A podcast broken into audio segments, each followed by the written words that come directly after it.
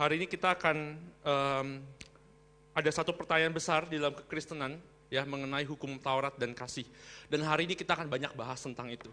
Gitu. Jadi siapkan hatimu, uh, siapkan pikiranmu, siapkan telingamu.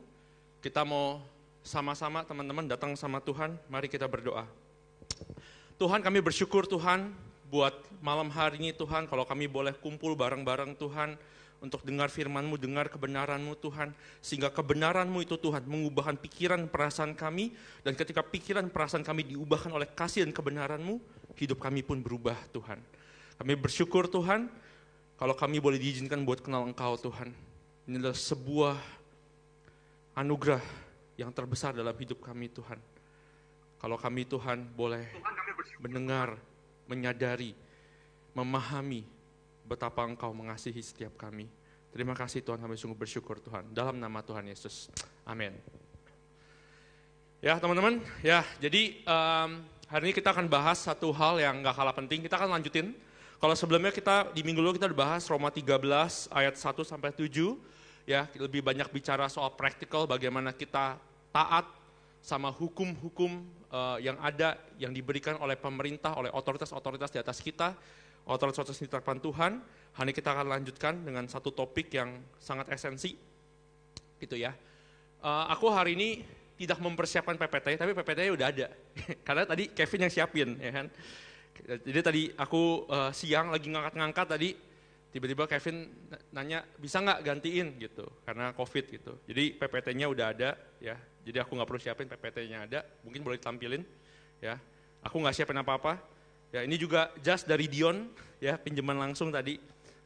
Kak Juju telepon, Yon boleh nggak tolong bawain jas gitu. Karena aku pakai kaos kan. Oke, karena aku nggak ada rencana sharing hari ini. Oke, nah teman-teman, jadi hari ini kita akan banyak bahas tentang bagaimana kita uh, menggenapi hukum Taurat, the law itu, hukum Taurat itu, tapi melalui kasih. ya. Bagaimana hubungan antara kasih dan hukum Taurat. Karena ada dilema yang sangat luar biasa besar antara kasih dan Taurat. Nanti aku akan cerita banyak di, uh, di, di dalam khotbah. Gitu. Tapi sebelum itu kita mau sama-sama dulu baca di Roma 13 ayat 8 sampai 10. Kita buka sama-sama di Roma 13 ayat 8 sampai 10. Oke, buat yang sudah menemukan katakan amin. Oh, masih sedikit. Oke. Roma 13 ayat 8 sampai 10, ayat 8 aku akan yang akan baca teman-teman ya. Kemudian ayat 9 teman-teman yang pria, lalu ayat 10 teman-teman yang wanita. Oke. Roma 13 ayat 8 sampai 10. Ayat 8, janganlah kamu berhutang apa-apa kepada siapa pun juga, tetapi hendaklah kamu saling mengasihi. Sebab barang siapa mengasihi sesamanya manusia, ia sudah memenuhi hukum Taurat. Ayat 9,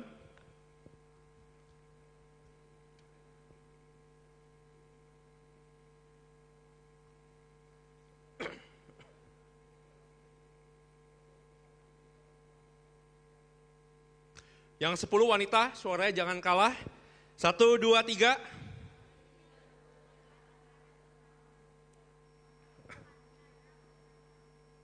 Nah, teman-teman, ya, kita harinya hanya akan bahas tiga ayat ini aja, teman-teman. Ya, jadi di sini ada sebuah topik besar, ya, um, bagaimana uh, gini, teman-teman kita nggak, kita akan bingung kalau kita baca versi Indonesia-nya, teman-teman. Tapi kalau teman-teman di bahasa aslinya, bahasa aslinya itu dia ngomong gini, janganlah kamu berhutang apa-apa kepada siapa pun juga, kecuali, ya, except, kecuali untuk saling mengasihi. Itu bahasa aslinya ya, teman-teman bisa lihat di NKJV, ISV uh, dan sebagainya. Ya, dia bilang ini, janganlah kamu berhutang apa-apa kepada siapa pun juga, kecuali untuk saling mengasihi. Nah, di sini ada sebuah pertanyaan besar, ya kalau kita lihat tiga ayat tersebut ada sebuah pertanyaan besar, kenapa kita harus saling mengasihi? Kenapa kita harus saling mengasihi kepada teman-teman kita, kepada orang tua kita, ya, kepada guru kita, saudara kita, teman komsel kita dan sebagainya. Kenapa? Nah, firmannya ngomong gini, janganlah kamu berhutang apa-apa kecuali untuk saling mengasihi. Maksudnya apa? Maksudnya gini teman-teman. Ya kalau aku bahas terlalu dalam, waktunya nggak cukup. ya. Tapi aku akan bahas langsung intinya aja. Maksudnya gini teman-teman. Maksudnya adalah waktu kita hidup di dunia ini teman-teman, kita itu seolah-olah, perhatikan kata, seolah-olah kita punya hutang. Dan kita mengasihi, kita saling mengasihi, kenapa? Karena kita berhutang kepada sesama kita. Kok bisa kita berhutang sama sesama kita? Nah kita langsung buka ayatnya teman-teman. Ya, di 1 Yohanes 3 ayat 16. Ya, bukan Yohanes 3 ayat 16 ya, tapi 1 Yohanes 3 ayat 16. Ini ayat yang juga tidak kalah powerful, ya. Oke, 1 Yohanes 3 ayat 16. Ya, aku akan bacain buat setiap kita, perhatikan baik-baik. Demikianlah kita ketahui kasih Kristus, yaitu bahwa ia telah menyerahkan nyawanya untuk kita. Perhatikan baik-baik. Ia telah menyerahkan nyawanya untuk kita nyawanya Kristus telah diserahkan kepada kita. Tapi kalimatnya nggak berhenti sampai di sana, dibilang apa? Jadi kita pun wajib menyerahkan nyawa kita untuk saudara-saudara kita. Nah, kita akan baca buka lagi teman-teman ya. Di 1 Yohanes 4. Jadi kalau di Alkitab itu di sebelahnya di baliknya 1 Yohanes 4 ayat 9 sampai 11. Aku akan bacain buat setiap kita. 1 Yohanes 4 ayat 9 sampai 11. Ayat 9, dalam hal inilah kasih Allah dinyatakan di tengah-tengah kita, yaitu bahwa Allah telah mengutus anak yang tunggal ke dalam dunia, supaya kita hidup olehnya. Ayat 10, inilah kasih itu, bukan kita yang telah mengasihi Allah, tetapi Allah yang telah mengasihi kita, dan yang telah mengutus anaknya sebagai pendamaian bagi dosa-dosa kita ayat 11 yang terakhir, saudara-saudaraku yang kekasih, jikalau Allah sekedemikian mengasihi kita, maka haruslah juga kita untuk saling mengasihi. Nah, di ayat ini maksudnya gimana sih? Nah, gini teman-teman ya. Nanti kalau teman-teman boleh ambil waktu renungin di rumah, ya entah setelah ini atau besok pagi. Tapi maksudnya apa sih? Maksudnya gini teman-teman. Allah dia menyerahkan nyawanya, nyawa Yesus, ya anak yang tunggal itu Allah kita, Kristus Yesus, nyawanya diserahkan untuk ganti kita, dan kita harus menyerahkan nyawa untuk saudara-saudara kita. Allah telah mengasihi kita, sehingga kita harus mengasihi orang-orang lain, sesama kita. Nah, di sini teman-teman, ya, kalau kita baca tadi ya, teman-teman, kalau kita tadi baca ya, di kitab Roma 13 ayat 8, khususnya 8a, dibilang apa? Janganlah kamu berhutang apa-apa kepada siapa pun juga, kecuali untuk saling mengasihi. Jadi pertanyaannya, kenapa kita perlu saling mengasihi? Yang pertama, karena kasih adalah hutang kepada sesama. Nah maksudnya apa? Maksudnya gini teman-teman. Allah itu telah memberikan semuanya. Telah memberikan segalanya. Dan yang paling berharga, yaitu anak yang tunggal untuk ganti kita. Sehingga kita juga memiliki kebersediaan untuk memberikan hidup kita, untuk memberikan waktu kita, untuk memberikan apa pun yang kita miliki untuk orang lain. Karena kasih adalah hutang kepada sesama. Loh, kok bukan hutang kepada Allah? Kan Allah yang kasih nyawa anaknya. Kan Allah yang kasih nyawa Yesus Kristus buat kita. Kenapa hutangnya kepada sesama? Kenapa hutangnya eh, bukan kepada Allah? Karena gini teman-teman, perhatikan baik-baik, ini menarik banget. Karena kasih Tuhan kepada kita, perhatikan baik-baik, kasih Tuhan kepada kita itu bukanlah hutang kita kepadanya, bukan teman-teman. Kenapa? Kalau kasih Tuhan adalah hutang kita kepadanya, maka dia akan minta untuk dibayar. Perhatikan baik-baik. Allah tidak pernah minta untuk kita bayar kasihnya. Karena kasihnya itu adalah anugerah. Kalau Allah minta kita bayar kasihnya, maka kasihnya itu bukan anugerah, tapi transaksi. Oke, ya. Lu jual, gue beli. Gue jual, lu beli. Nah, itu transaksi. Tapi Allah nggak pernah minta kasihnya untuk dibayar. Nggak pernah, teman-teman. Sehingga ini nggak bisa disebut hutang. Kita nggak bisa disebut berhutang kepada Allah. Ya, Perhatikan baik-baik. Dia tidak diminta dibayar dan dia tidak butuh dibayar. Nah itu, buat apa? Ya kan? Perhatikan baik-baik. Ya, kita, aku sering dengar Kak Juju sharing, kita meninggi ke Tuhan bukan supaya Tuhan lebih tinggi teman-teman. Karena Tuhan sudah begitu tinggi. Ya, dia begitu mengasihi kita, dia korbankan nyawanya untuk kita, bukan supaya kita bayar. Dia nggak butuh dibayar. Dia telah memiliki segala sesuatunya. Dan kalaupun dia butuh dibayar, dengar baik-baik, kita nggak akan pernah mampu membayar.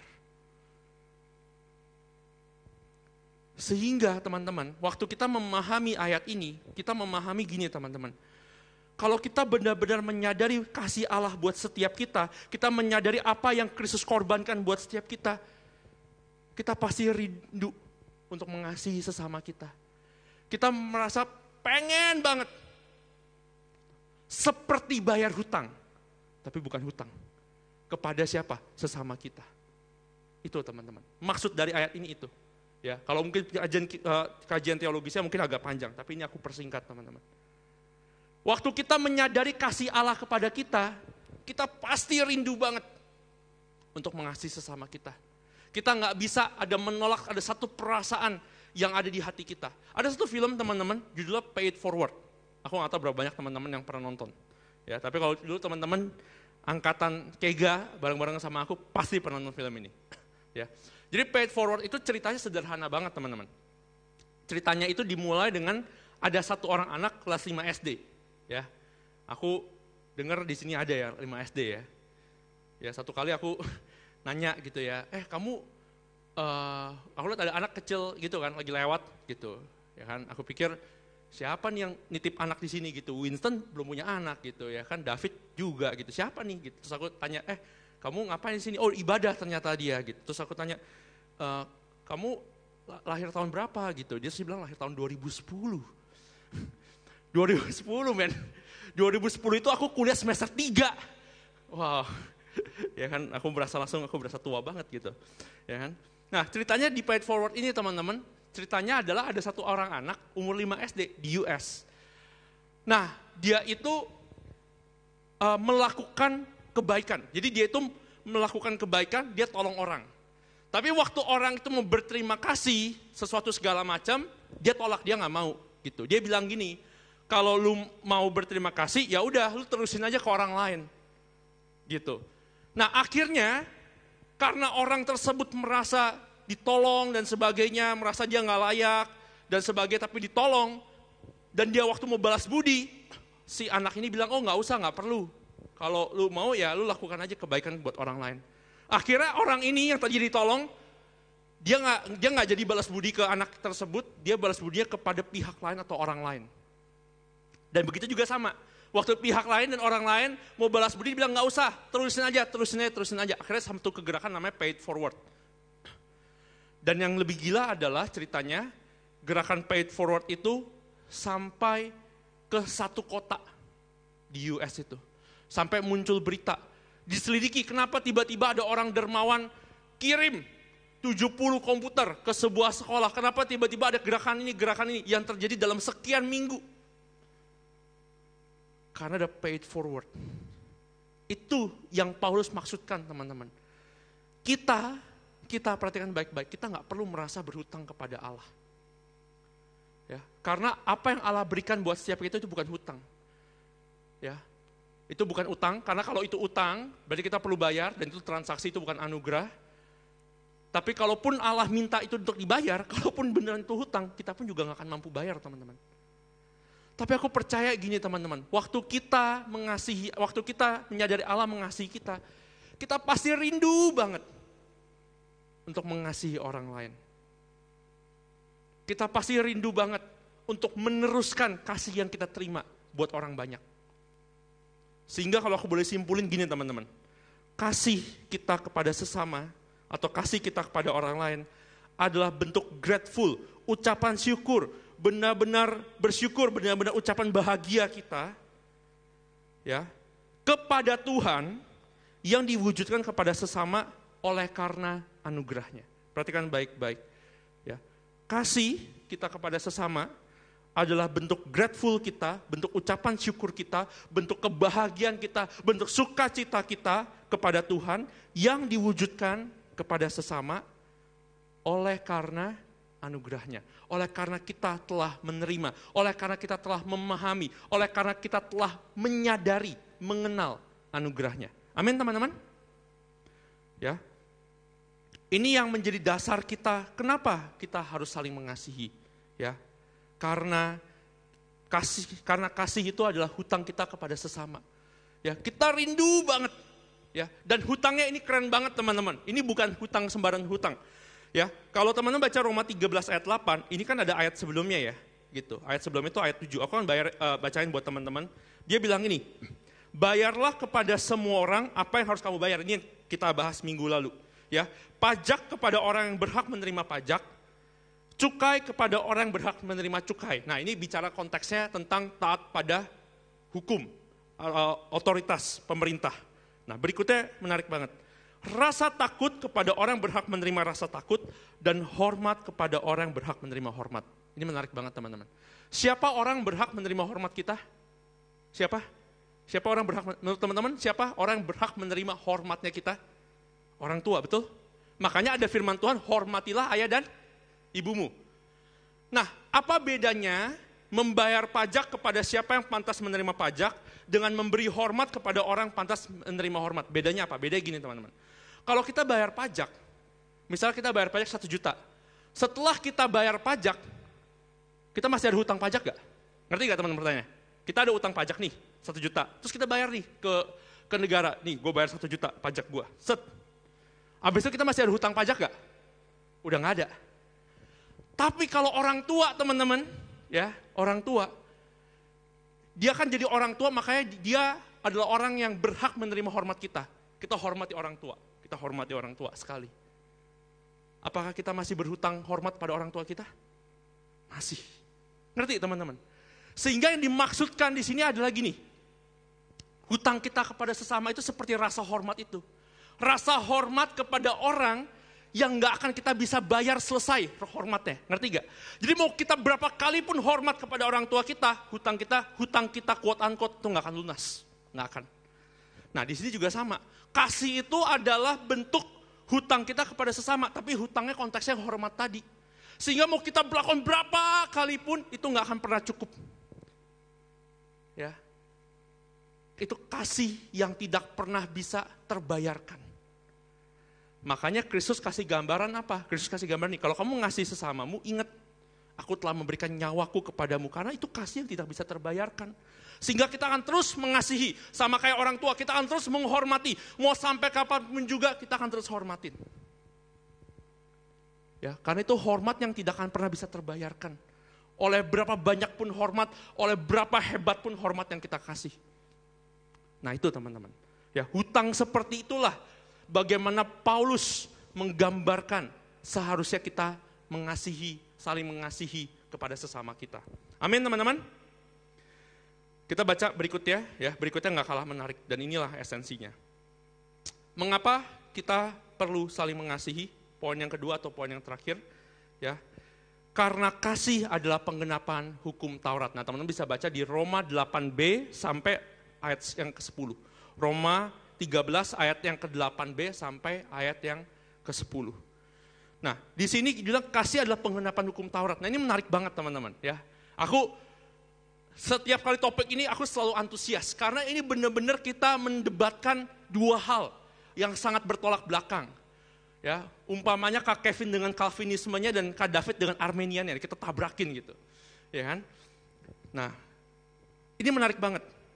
Jadi orang itu waktu itu Yesus datang, ya Yesus, wah Yesus itu sang kasih karunia, dialah kasih dan sebagainya. Wah kalau gitu kita tidak perlu dong mengikuti hukum Taurat lagi. Wah kak, aku udah percaya Yesus.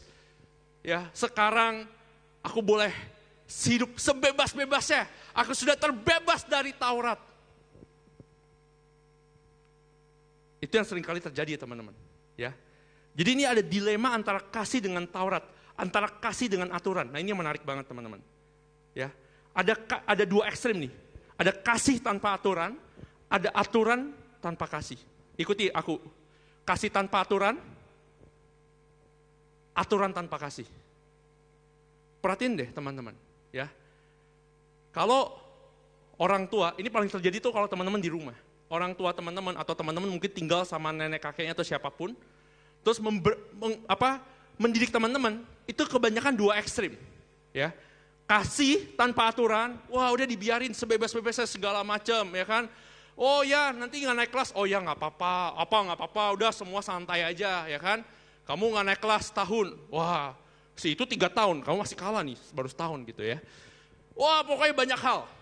Ada lagi orang tua ekstrim satunya lagi, aturan tanpa kasih atau minim kasih. Yang tadi kasih minim aturan, yang satu lagi aturan minim kasih. Biasa di parenting ya teman-teman dididik itu biasa dua ekstrim ini. Ya, aku lihat di dalam gereja juga sangat amat jarang yang orang tua bisa seimbang. Karena ini menjadi dilema teman-teman. Perhatikan baik-baik teman-teman. Ya, kasih tanpa aturan itu akan menjadi sentimentalisme, akan menjadi perasaan doang, ungkapan perasaan doang. Tapi perhatikan baik-baik, tapi aturan tanpa kasih juga nggak benar. Karena aturan tanpa kasih itu akan jadi legalisme. Maksudnya apa? Maksudnya gini teman-teman kasih tanpa aturan nih, itu hanya akan jadi ekspresi perasaan yang menggebu-gebu. Ya, akan jadi sentimentalisme aja. Gitu. Contoh apa, teman-teman? Contoh gini. Ya, ini terjadi dalam hidup aku. Aku ini paling demen bercanda, teman-teman. Ya kan? Nah, buat aku, aku kan bercanda. Salah tujuan aku bercanda kan, oh ya untuk menghidupkan suasana dong, ya kan daripada krik-krik-krik jadi uh, kruk-kruk-kruk gitu. Nah, jayus kan, nah gitu. Ya kan? Nah, untuk menghidupkan suasana dong. Jadi jangan jangan suasana jangan datar segala macam gitu. Tapi sering kali teman-teman aku bercanda tuh kelewatan. Dan tidak jarang, perhatikan baik, tidak jarang aku bercanda. Itu tuh pakai orang, jadi orang aku bercandain, tapi tujuannya bukan untuk nyudutin orang tersebut, tapi memang ya buat jadi bahan bercanda aja. Teman pasti pernah ngalamin dong. Entah ngalamin jadi yang bercanda atau jadi yang bercandainnya. Nah, beberapa kali yang terjadi adalah orang yang aku bercandain itu sampai nangis teman-teman. Sampai nangis. Aku aku tadinya pikir, oh jangan-jangan dia tertawa cekikan sampai menangis gitu, ya kan, sampai keluar air mata. Ternyata enggak teman-teman ya. Ya kan, senyumnya nggak muncul sedikit pun ya kan, tapi air matanya muncul gitu. Ya kan. Ini kenapa teman-teman? Karena ada kasih tapi nggak ada aturan. Jadi semau gue, ekspresi kasihnya semau gue. Ya, di tingkat yang level lebih parah, contohnya apa? Pedofilia. Teman-teman tahu pedofilia? Tahu pedofilia? Bagaimana orang tua dia punya kasih yang sifatnya romantisme kepada anak yang jauh di bawah. Gitu, ya kan? Tapi maksudnya ini kepada bocah-bocah gitu ya. Yang mungkin masih SD, masih sekolah dan sebagainya. Loh, ini kan kasih, ya kan? Wah, ya kan ada om-om gitu ya. Ini ada anak SD, anak SMP, om-omnya misalnya pedofil gitu. Wah, di sekolah dijemput dan sebagainya, tapi pedofilia gitu. Wah ini kan kasih segala macam tanpa aturan. Gitu. Sementara buat orang, kebanyakan kita, aku percaya setiap kita di tempat ini, yang punya aturan moral, oh itu nggak benar. Tapi perhatikan baik-baik, bisa juga kebanyakan orang yang bilang pedofilia itu nggak benar, tapi berpikir bahwa, oh kalau misalnya homoseksual itu benar. Bisa loh, itu ada loh yang bisa kita bisa berpikir oh itu benar itu nggak salah dan sebagainya. Maksudnya apa? Maksudnya gini kasihnya kebablasan. Karena nggak ada aturan. Akhirnya kasihnya cuma bentuk ekspresi perasaan. Kalau lu pengen apa ya lu lakukan. Itu kasihnya kebablasan. Ya kasih tanpa aturan itu cuma sentimentalisme aja. Itu nggak benar teman-teman. Tapi sebaliknya itu juga nggak lebih baik. Aturan tanpa kasih itu legalisme. Dan ini pernah terjadi di antara kita teman-teman ya. Mungkin buat teman-teman yang dari lama ya terutama dari Kak Jojo ya sampai waktu itu Domo dan sebagainya ya Lia juga. Kita pernah ada di dalam sebuah kegerakan yang penuh dengan standar. Nah kalau teman-teman ingat ya. Dulu kita punya empat standar. Aku masih ingat banget kita punya empat standar. Pertama saat teduh setiap hari kalau perlu pagi-pagi buta ya kan? Ya kan? Itu benar-benar pagi-pagi itu sampai mata kita pun baca rasa buta gitu ya kan itu saat teduh setiap hari, itu standar yang pertama. Standar yang kedua itu tidak pacaran. Standar yang ketiga itu tidak dengar lagu dunia. Standar yang keempat itu tidak nonton bioskop. Kita pernah hidup di sini, tapi yang menarik apa? Yang menarik gini teman-teman. Orang-orang yang ikut toga dari awal-awal, dulu namanya toga kan, ikut toga dari awal banget, yang bareng-bareng sama Kamega dari awal, itu ngambil itu ada sisi kasihnya. Karena kasih yang gilandasan. Sementara kan makin lama jemaat makin banyak ya. Kita pernah, ini sekarang kalau sekarang ibadah berapa? Paling 500, 600, dulu kita pernah ibadah 800, pernah sampai 1100.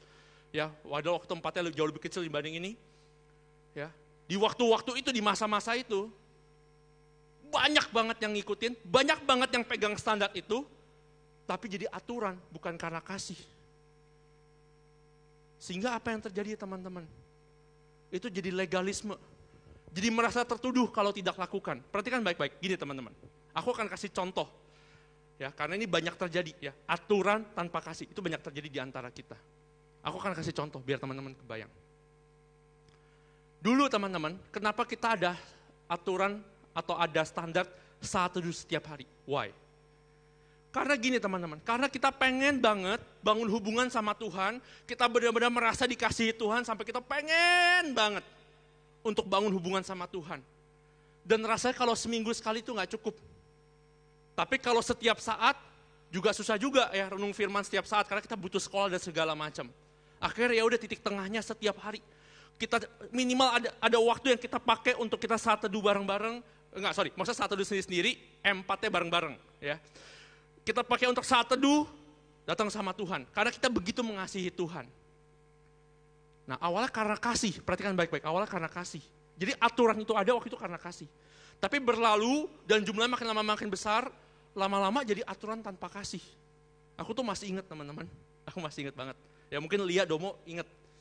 Dulu kita, waktu kita dikumpulin, ditanya, siapa yang hari tidak satu bangkit berdiri, masih ingat gak? Ya kan? Bangkit berdiri. Ya kan?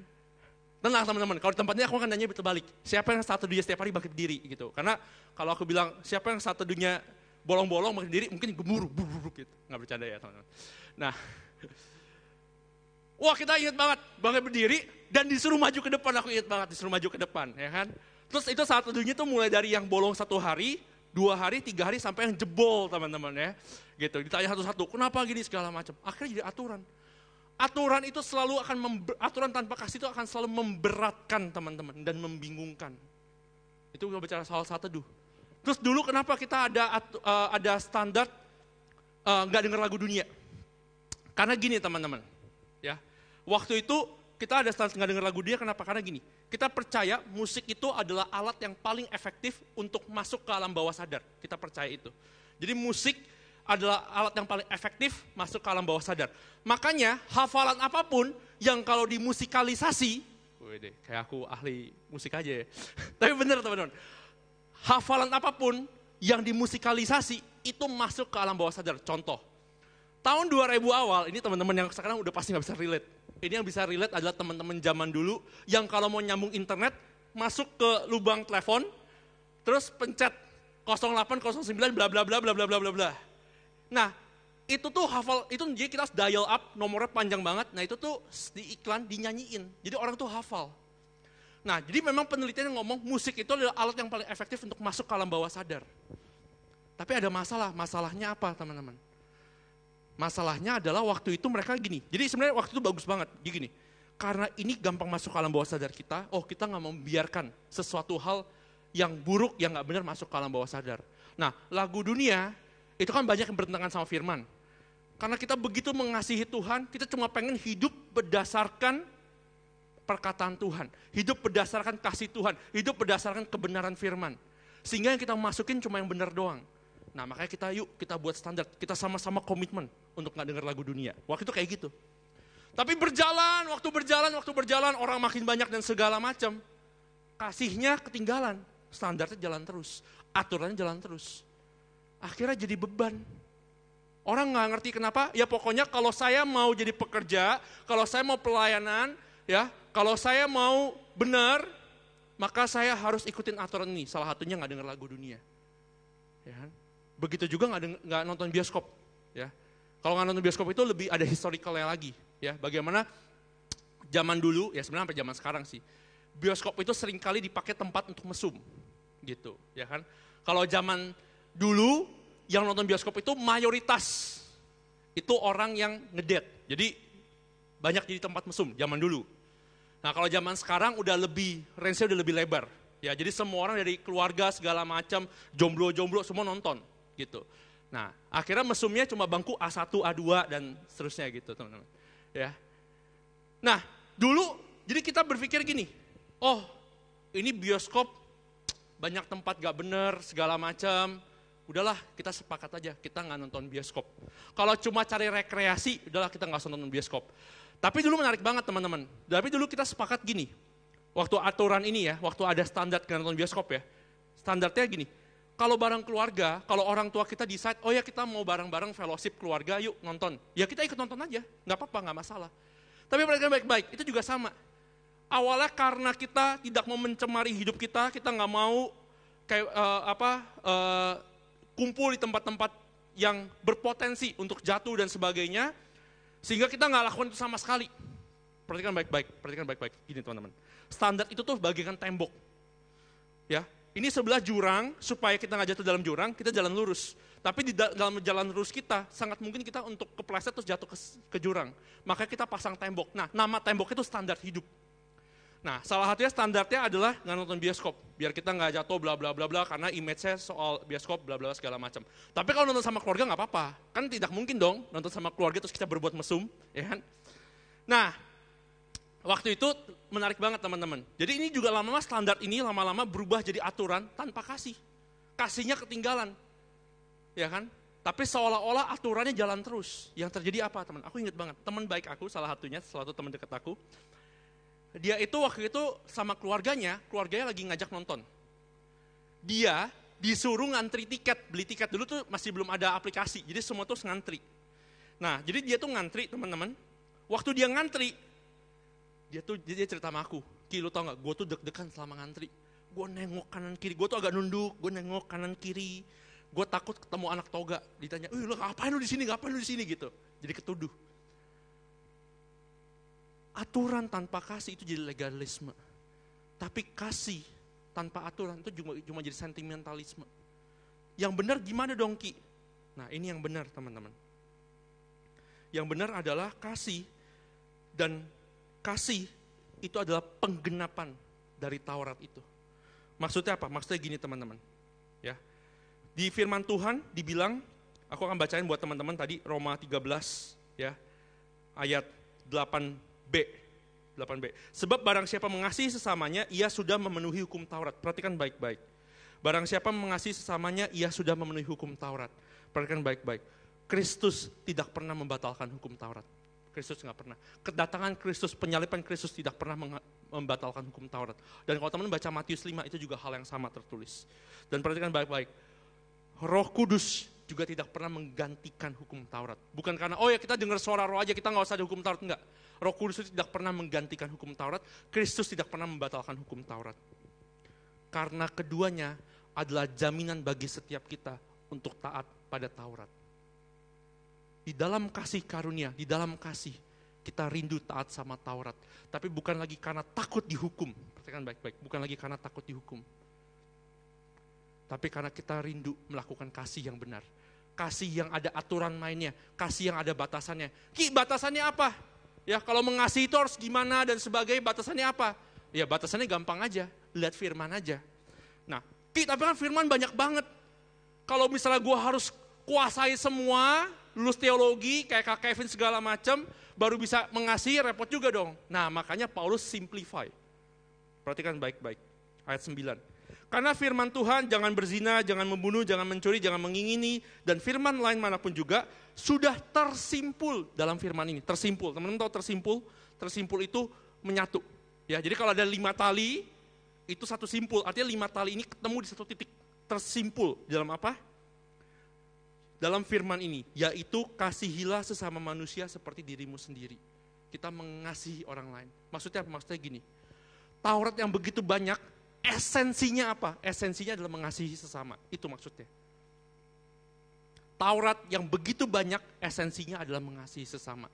Dan di dalam kasih teman-teman, di dalam kasih karunia, kita pasti rindu untuk mengasihi sesama. Dan waktu kita mengasihi sesama, bukan karena kekuatan kita, bukan karena takut dihukum, tapi di drive oleh kasih karunia, di drive oleh kasih, di situlah kita menggenapi hukum Taurat. Bangsa Israel gagal menggenapi hukum Taurat. Tapi kita telah menggenapi hukum Taurat. Gimana caranya? Kita telah melihat Kristus yang dia adalah pribadi yang telah menggenapi hukum Taurat. Dia mati ganti kita. sehingga kita rindu untuk melakukan hukum Taurat. Dan apa esensi hukum Taurat? Yaitu saling mengasihi. Katakan kanan kirinya, saling mengasihi. Ya. Perhatikan baik-baik teman-teman. Ya. Aku akan ngomong sekali lagi, aturan yang tanpa kasih itu akan sangat memberatkan dan sangat membingungkan. Tapi begitu juga sebaliknya, kasih yang tanpa aturan itu kasih yang akan sangat liar dan juga akan membingungkan. Boleh nggak boleh dan sebagainya.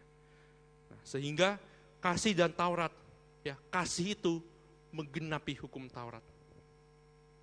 Waktu kita menyadari Kristus mengasihi kita, kita pasti rindu untuk mengasihi sesama kita. Amin teman-teman. Ya, hari ini kita akan lakukan hal yang agak berbeda teman-teman. Ya, kita akan dengar kesaksian dari seseorang, ya. Tapi berhubung orang yang nggak ada di sini teman-teman, ya, sehingga kita akan melakukan call kepada orang ini. Ya, tim multimedia udah siap? Ya. Di dalam berjalan teman-teman, ya sambil tim media mempersiapkan. Di dalam berjalan teman-teman, ya sulit sekali mengasihi orang, benar-benar sulit. Ya, salah satu dalam hidup aku yang paling aku sulit kasihi siapa? Kevin Martin.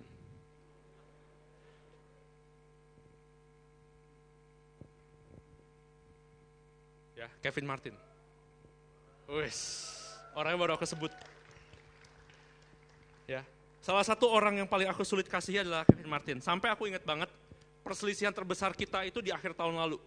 Ya ini Kevin bisa dengar ya? Belum bisa dengar ya? Nah, salah satu persen terbesar kita tuh di akhir tahun lalu.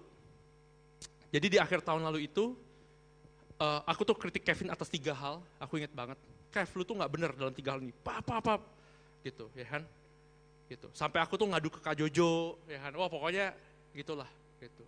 Ya kan. Sampai aku inget banget, uh, waktu itu satu kali aku lagi di mobil sama Kak Vanda. Terus si Kak Vanda itu menjelaskan, jadi kan aku sering ceritakan, ini gini-gini segala macam. Terus satu kali si Kak Vanda itu menjelaskan, maksudnya persepsi Kevin Martin itu seperti apa, gitu. Maksudnya nggak kayak gitu kok, gitu. Terus aku langsung jawab sama Vanda, kamu tuh udah kayak pengacara Kevin Martin, aku bilang gitu ya kan? Aku sangat mengasihi Kevin, ini denger gak dia? Ya kan? Tapi ada banyak hal yang aku nggak suka aku kritik gitu. Dan kalau aku gini, teman-teman tahu lah, aku kalau ngomong tuh nyablak. Gitu. Jadi, ngomong aja nyablak, bercanda aja bikin orang nangis, apalagi kritikan aku. Ya kan? Kalau nggak percaya betapa nyablaknya aku tanya tuh Jason, Komang, ya kan? Ada nggak di sini? Andrew, ya kan? Nah, sehingga um, dalam proses berjalan, ya, terutama Kak Jojo ya, Kak Jojo banyak uh, menaruhkan dasar kebenaran, ya, esensi kasih.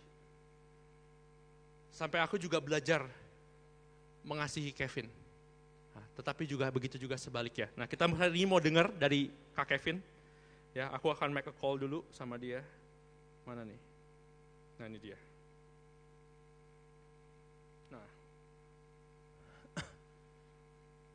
Oke, halo Kev. Ya, gimana situasi di sana, Bapak Kevin?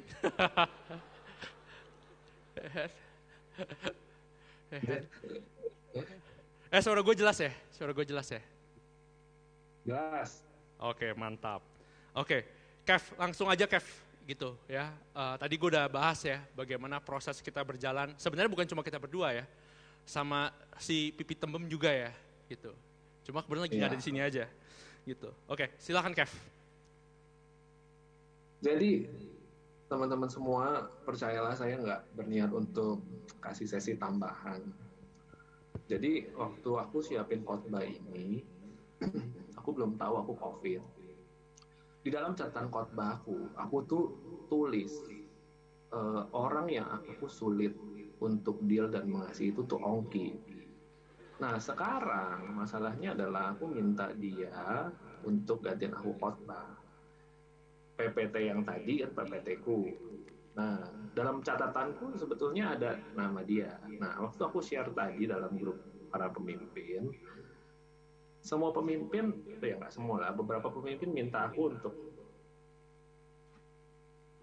nggak apa-apa, lanjut terus aja, Kev.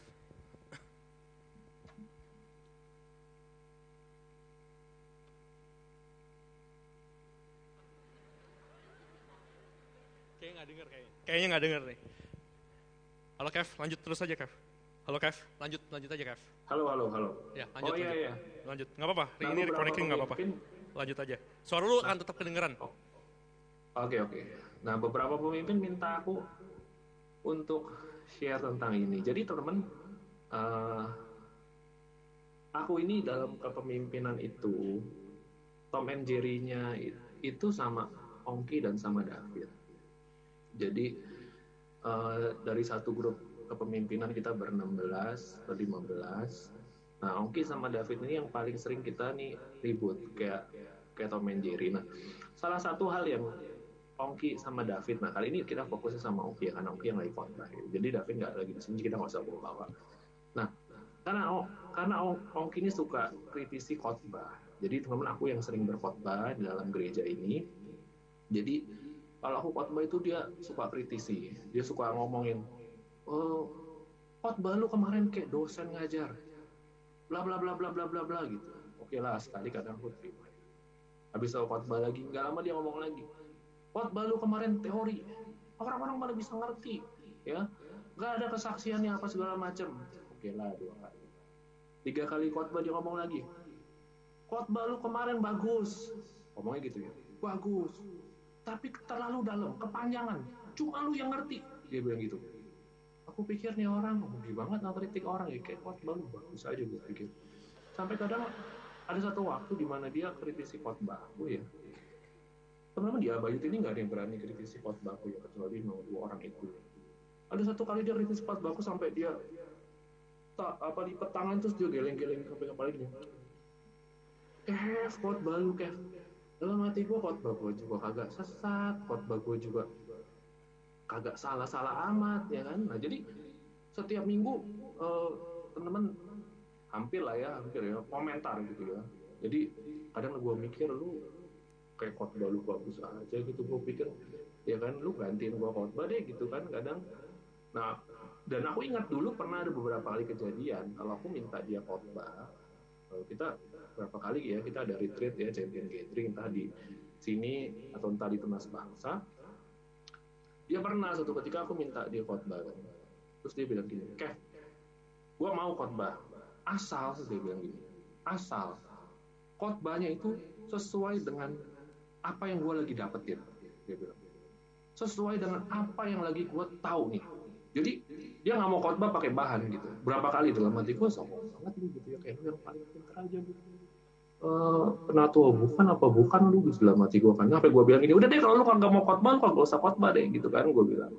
Sampai di CG yang terakhir sebelum covid dia masih kayak gitu tabiatnya. Dia bilang pas gue bilang ki bisa khotbah nggak di CG oh boleh. Tapi gue mau modif sesi-sesinya sesuai yang gini gini gini gini dalam hati gue ah songong lah udah deh kagak usah deh gitu kan. Jadi udahlah gitu. Kadang waktu berjalan gitu sampai selama enam bulan terakhir ini, selama enam bulan terakhir ini dia suka komplain gitu. Dari nah gue dari khotbah gue Januari. Dia suka komplain khotbahnya gini khotbahnya gini sampai gue enak banget gitu. Nah tapi gue tahu bahwa uh, eh, gue belajar dua hal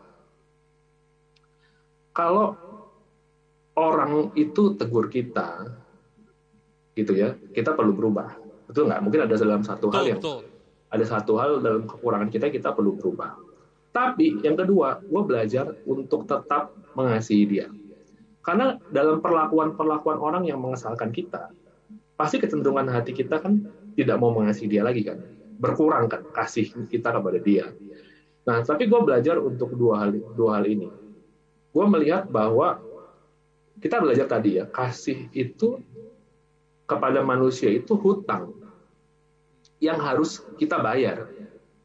Gitu. Artinya apa sih? Selama kita tahu Kristus mengasihi kita, kita perlu terus mengasihi orang. Sampai kapan kita perlu bayar hutang kasih kita kepada orang? Sampai terus menerus selama-lamanya gitu. Karena apa kasih Tuhan kepada kita begitu besar. Jadi gue pegang dua hal itu. Yang pertama gue harus berubah. Kalau Ongki bilang mengkritisi khotbah-khotbah gue, gue tak gue not hal-hal yang uh, eh, gue perlu berubah. That's why berapa kali uh, eh, gue itu kalau habis khotbah, gue tuh samperin dia. Gimana ki khotbah hari ini? Awalnya dia manggung. Bagus sih, tapi bla bla bla bla bla bla bla. Nah gitu caranya ya. Bagus sih tapi bla bla bla. Gue pikir ya udahlah gitu. Tapi gue terus lawan itu kalau gue habis khotbah, gue chat dia. Lu denger khotbah gue kemarin nggak? Dengar? Menurut lu gimana? Baru dia ngomong komentar komentar. Tapi kan itu proses yang dalam hati gue ya nggak harus juga sih gue lakukan itu ya. Atau yang kedua gue berpikir menyayat ego kan sebetulnya kalau gue dengar lu kritik gue kesel gue gitu capek juga gue enak juga gue kadang gitu. Selalu udah lu, lu minta khotbah juga kadang susah kalau dicengki gitu kan. Nah tapi dalam enam bulan terakhir setiap kali aku khotbah gitu ya aku selalu tanya dia gimana? Gimana? Gimana? Gimana? Gimana? Gitu. Sampai berapa bulan lalu habis aku turun panggung gitu ya dia ngomong gitu Kev gue lihat khotbah udah berubah jauh. Dia bilang ini nih khotbah nih bagus nih kayak gini gitu. Nah aku dengan cepat aku pegang pipi dia aku pencet pipi dia aku bilang sama dia ini semua karena lu aku bilang itu karena komplainan komplainan lu. Nah tapi apa sih teman-teman aku belajar? Aku belajar tentang uh, kasih adalah hutang artinya mengasihi itu proaktif. Terus terus. Dia komplainin gue sekali gue jabanin komplainin dua, dua kali tiga kali empat kali gue jabanin terus. Walaupun ada tendensi hati aku lama-lama gue malas juga punya orang. Kalau gue sih tipenya gue diemin gue diemin tapi aku belajar. Bukan ketika dia komplain kadang kasih gue juga berkurang. Tapi aku terus belajar melawan itu ya mengganti itu. Ya.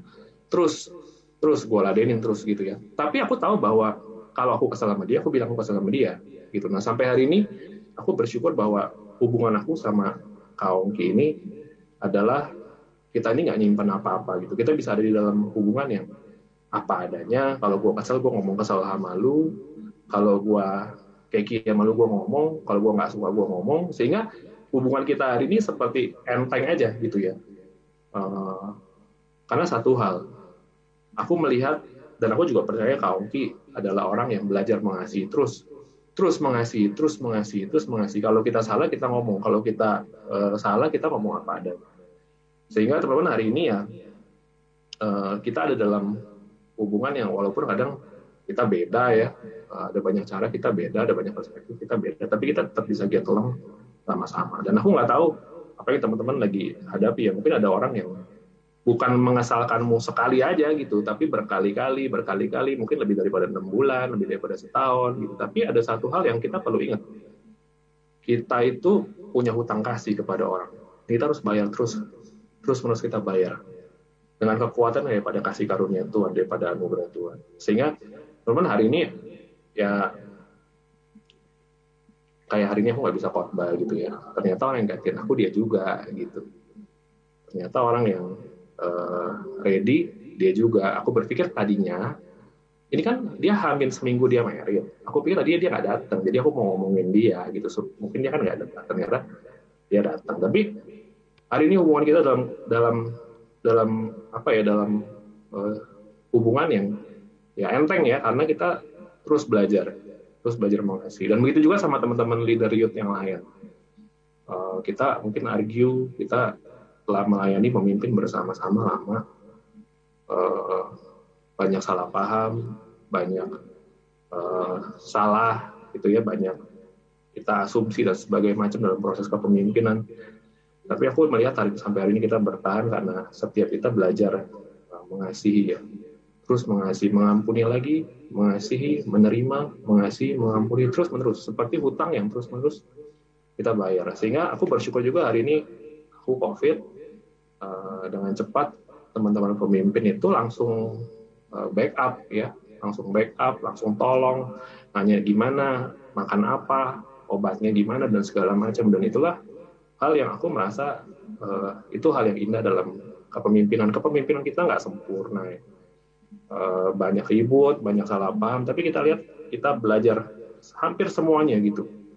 Belajar, semuanya belajar mengasihi seperti bayar hutang. Kalau ada ganjilan kita beresin, kalau ada salah kita ngomongin. Kalau kita nggak suka kita ngomong, kita beresin, kita mengasihi lagi, mengasihi lagi terus, seperti membayar hutang. So itu teman yang mungkin cerita yang sederhana, tapi real yang aku dan teman pemimpin alami. Uh, karena ini sesi bicara tentang kasih, dan aku alami hari ini memimpin bersama dengan teman-teman leadership semua. Uh, mungkin aku jarang bilang ini, tapi thank you teman-teman leader. Uh, aku mengasihi teman-teman semua dalam leadership kita mungkin tidak sempurna, tapi aku melihat kita semua terus belajar mengasihi seperti bayar hutang, seperti hutang yang terus-menerus kita perlu lunasi. Dan itu yang aku lihat kita semua bisa sustain mengasihi Tuhan, ikut Tuhan sama-sama, melayani bersama-sama di tempat ini. So, uh, itu aja sih teman-teman ya. Uh, semoga jadi real, mengingatkan kita untuk terus mengasihi seperti hutang yang perlu terus-menerus dibayar. Terima kasih ya teman-teman semua, terutama buat uh, leader-leader dia. Abayut, thank you. Aku mengasihi kalian semua. God bless you. Wow, boleh kasih tepuk tangan buat Kak Kevin? Ya, thank you Kev buat sharingnya. Ya, uh, nanti kita juga doain lu sama Tea. ya, oke, okay, yuk mungkin aku boleh undang tim profetik maju. Kita mau akhiri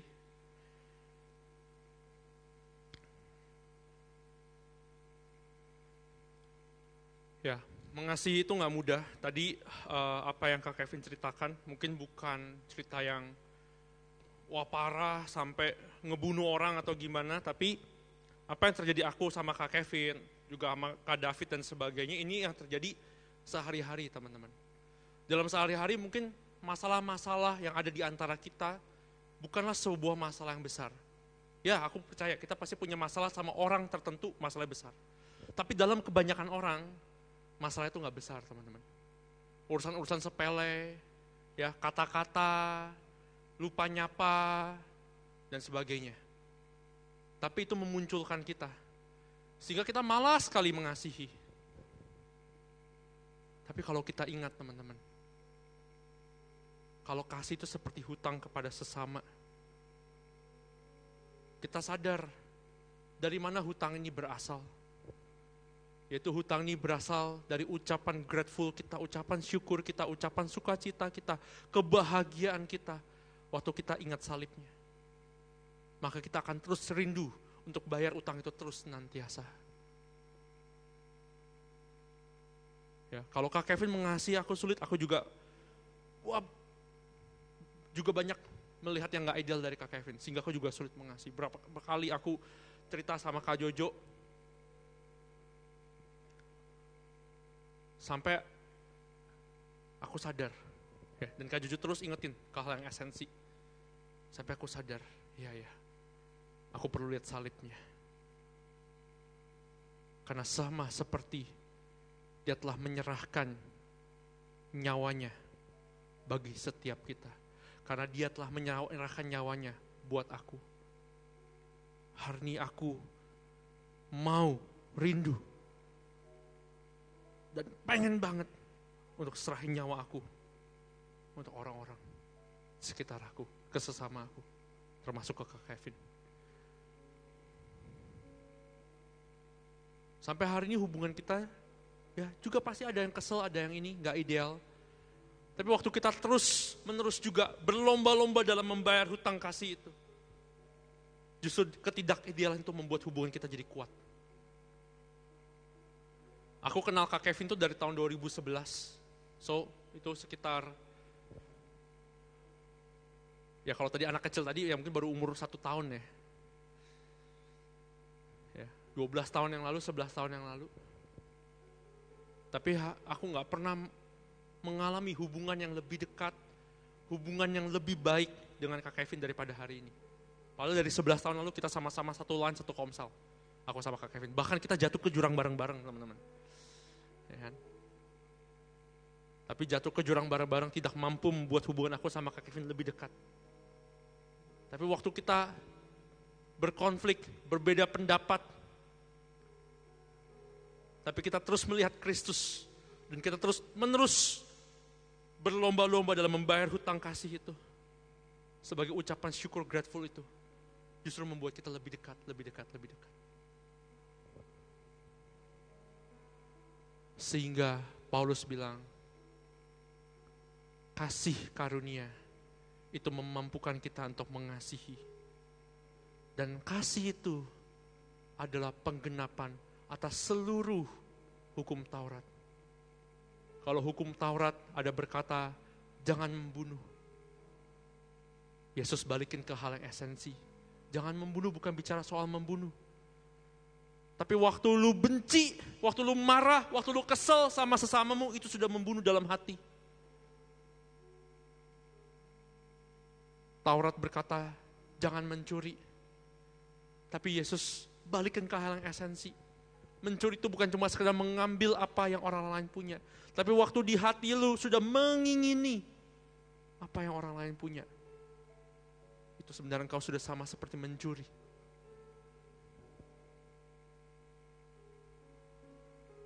Dan di dalam kematiannya, itu semua sudah dibereskan. Setiap dosa dan pelanggaran kita tapi ketika itu dibereskan, bukan berarti aturan ini lenyap. Justru kita menjadi rindu mengasihi, menggenapi aturan-aturan ini. Bukan karena takut, tapi karena kasih. Karena kita lihat salibnya. Hari teman-teman, kita mau lakukan perjamuan kudus.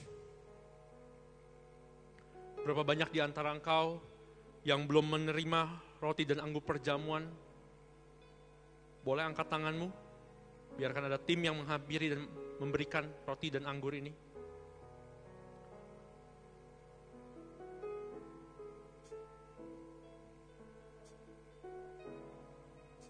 Hari ini aku mau mengingatkan kembali tentang esensi dari roti dan anggur ini teman-teman. Waktu Yesus berkumpul sama murid-muridnya, sebelum dia disalibkan. Yang pertama dia lakukan, dia ambil roti itu. Kemudian dia memecahkan roti itu. Bukan murid-muridnya. Bukan murid-murid yang memecahkan roti. Bukan setiap kita memecahkan roti sehingga bunyi pertak pertak pertak pertak bukan bukan. Tapi Yesus yang memecahkan roti itu. Keputusan dia untuk membiarkan tubuhnya terpaku dan tercabik-cabik. Bukan kita yang memutuskan agar Yesus yang tercabik-cabik. Tapi Yesus sendiri yang memutuskan dirinya tercabik-cabik. Untuk tebus dosa kita. Sehingga kita bisa sadar sebegitu parahnya dosa kita. Sebegitu parahnya hukuman atas dosa kita. Sebegitu mengerikannya hukum dosa. Sehingga kita menyadari betapa besarnya utang kita sama dia. Dan setelah dia bagikan roti itu, Lalu dia bagikan anggur di dalam cawan itu kepada murid-muridnya. Itu untuk ingat apa teman-teman? Itu untuk ingat bahwa setiap tetes darahnya tercurah untuk tebus dosa kita. Hari ini, kalau darah binatang, darah hewan, jauh lebih tidak bernilai daripada darah manusia. Darah manusia jauh lebih bernilai dari darah hewan. Bukankah darah Kristus jauh lebih bernilai daripada darah setiap kita?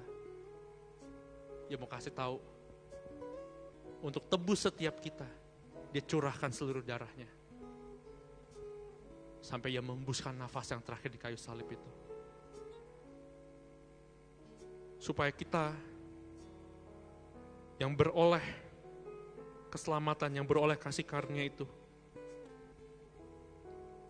Kita benar-benar sadar betapa Tuhan mengasihi kita.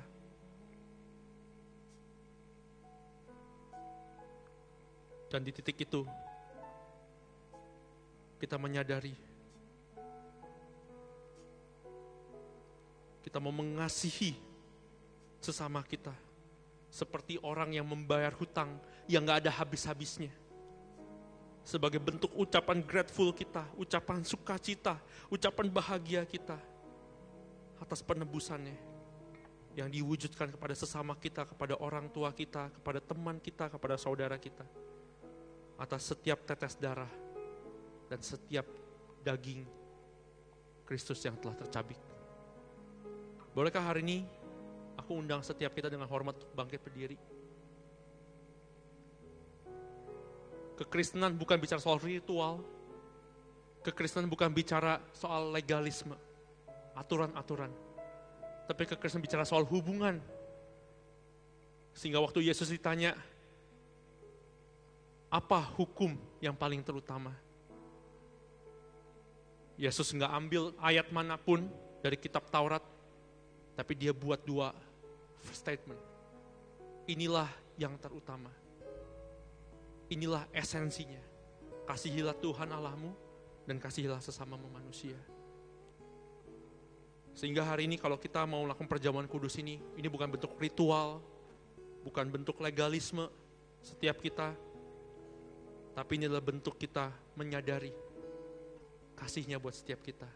Sehingga hubungan kita sama dia makin erat. Dan sepulang dari tempat ini, setelah kita melakukan perjamuan kudus ini, hubungan kita juga sesama makin erat bukan karena hal yang baik saja, tapi karena ada setiap pengampunan di dalam hal yang tidak baik, yang tidak ideal. Oleh karena itu, hari ini kita mau datang sama Tuhan, teman-teman.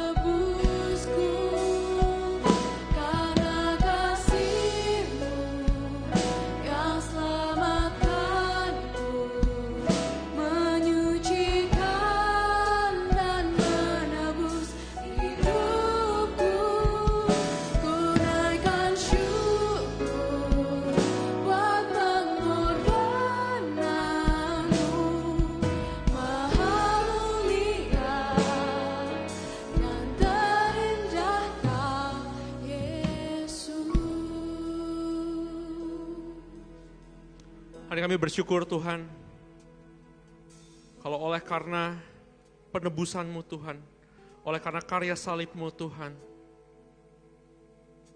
kami beroleh keselamatan, kami boleh beroleh pembenaran Tuhan. Hari kami mau Tuhan, menjadikan karyamu Tuhan, bukan untuk membuat kami keluar dari Taurat, tapi justru dalam hidup kekristenan kami, kami terus-menerus menjadikan Taurat itu sebagai acuan kami untuk mengasihi. Dan kami membiarkan kasih itu menjadi esensi dari Taurat, setiap Taurat itu. Dan itu dimulai dengan mengasihi sesama. Kami seperti kami mengasihi sesama karena kami menyadari ini seperti kami terus-menerus membayar hutang kepada sesama kami. Berapa kali pun sesama kami menyakiti kami, membuat kami kesal, membuat kami marah, membuat kami kecewa. Entah itu orang tua kami, entah itu guru atau pemimpin kami, entah itu teman komsel kami, teman main kami, teman sekolah kami, entah itu saudara kami atau siapa pun juga. Yang terus membuat kami kecewa, yang terus membuat kami marah, kesal. Tapi hari ini Tuhan, kami ingin melihat dagingmu Tuhan. yang telah tercabik-cabik, yang telah terpecah-pecah buat setiap kami Tuhan. Engkau yang membenarkan kami bukan karena perbuatan kami. Tapi oleh pembenaranmu Tuhan. Itu yang membuat kami rindu sekali Tuhan. Untuk terus menerus mengasihi sesama kami. Untuk terus menerus melepaskan pengampunan kepada sesama kami. Hari engkau boleh angkat rotimu.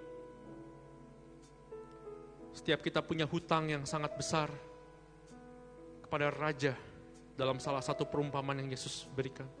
Sangat besar, sehingga kita tidak akan pernah mampu membayarnya. Tapi satu titik, itu dilunasi. Karena tubuh itu sudah tercabik-cabik. Tubuh itu terpaku. Tubuh itu disiksa dan dianiaya.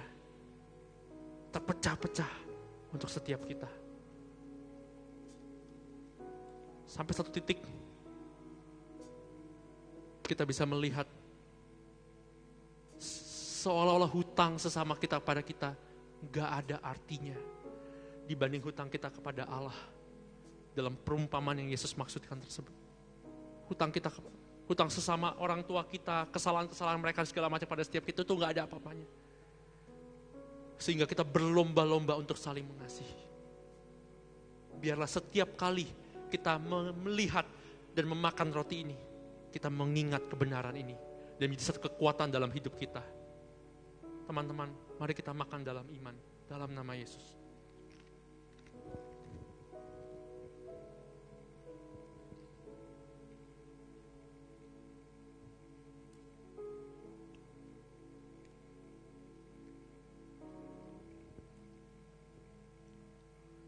Kita boleh angkat cawan yang berisi anggur yang melambangkan darahnya ini.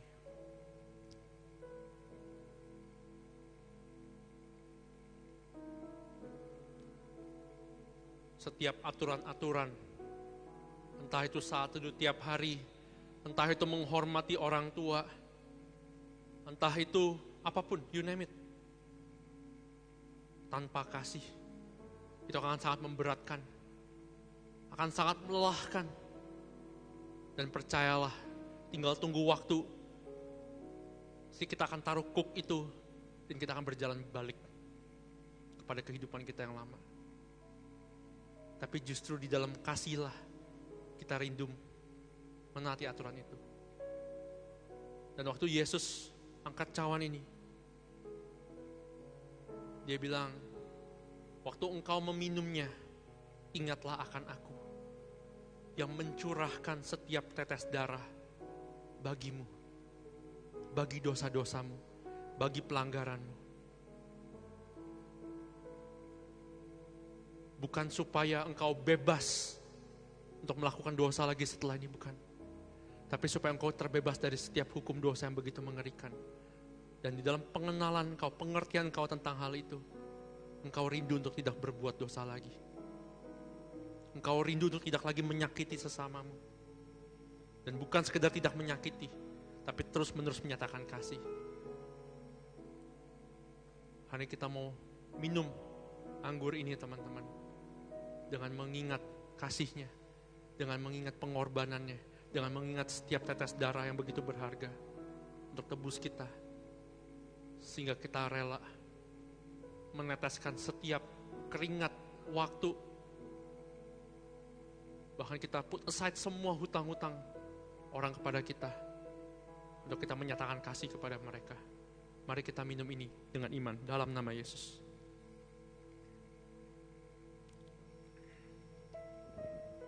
Yes. Mari kita sama-sama sembah dia teman-teman.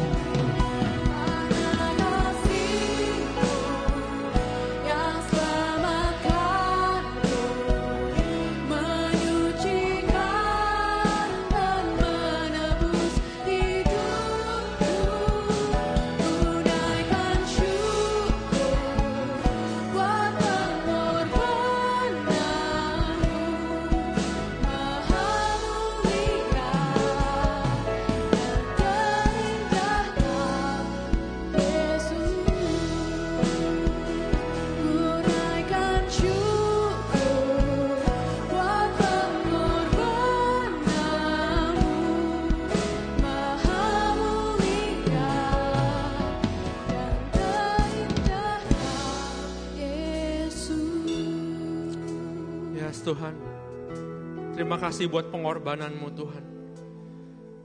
Terima kasih untuk karya salibmu. Terima kasih untuk setiap daging yang tercabik-cabik, setiap tetes darah yang tercurah buat setiap kami Tuhan. Biar ini menjadi pengingat atas hidup kami Tuhan. Bahwa ada hutang yang begitu parah, begitu luar biasa besar yang telah diselesaikan sama Engkau Tuhan. Sehingga kami melihat setiap hutang-hutang orang lain adalah hal yang kecil. Dan kami boleh terus berjalan hidup dalam pengampunan. Bahkan kami terus boleh berlomba-lomba untuk saling mengasihi. Seperti kami membayar hutang kami terus menerus, terus menerus Tuhan. Dan kami melakukan itu karena ungkapan rasa syukur dan sukacita kami atas penebusan, atas anugerahmu Tuhan. Terima kasih Tuhan, kami sungguh bersyukur buat malam hari ini Tuhan. Biar kebenaran ini terus kami menghidupi senantiasa. Dan kami menikmati kekristenan kami sebagai hubungan dengan Allah dan sesama. Bukan sebagai ritual atau legalisme Tuhan. Terima kasih Tuhan, di dalam nama Tuhan Yesus. Yang sama-sama percaya, sama-sama katakan, amin.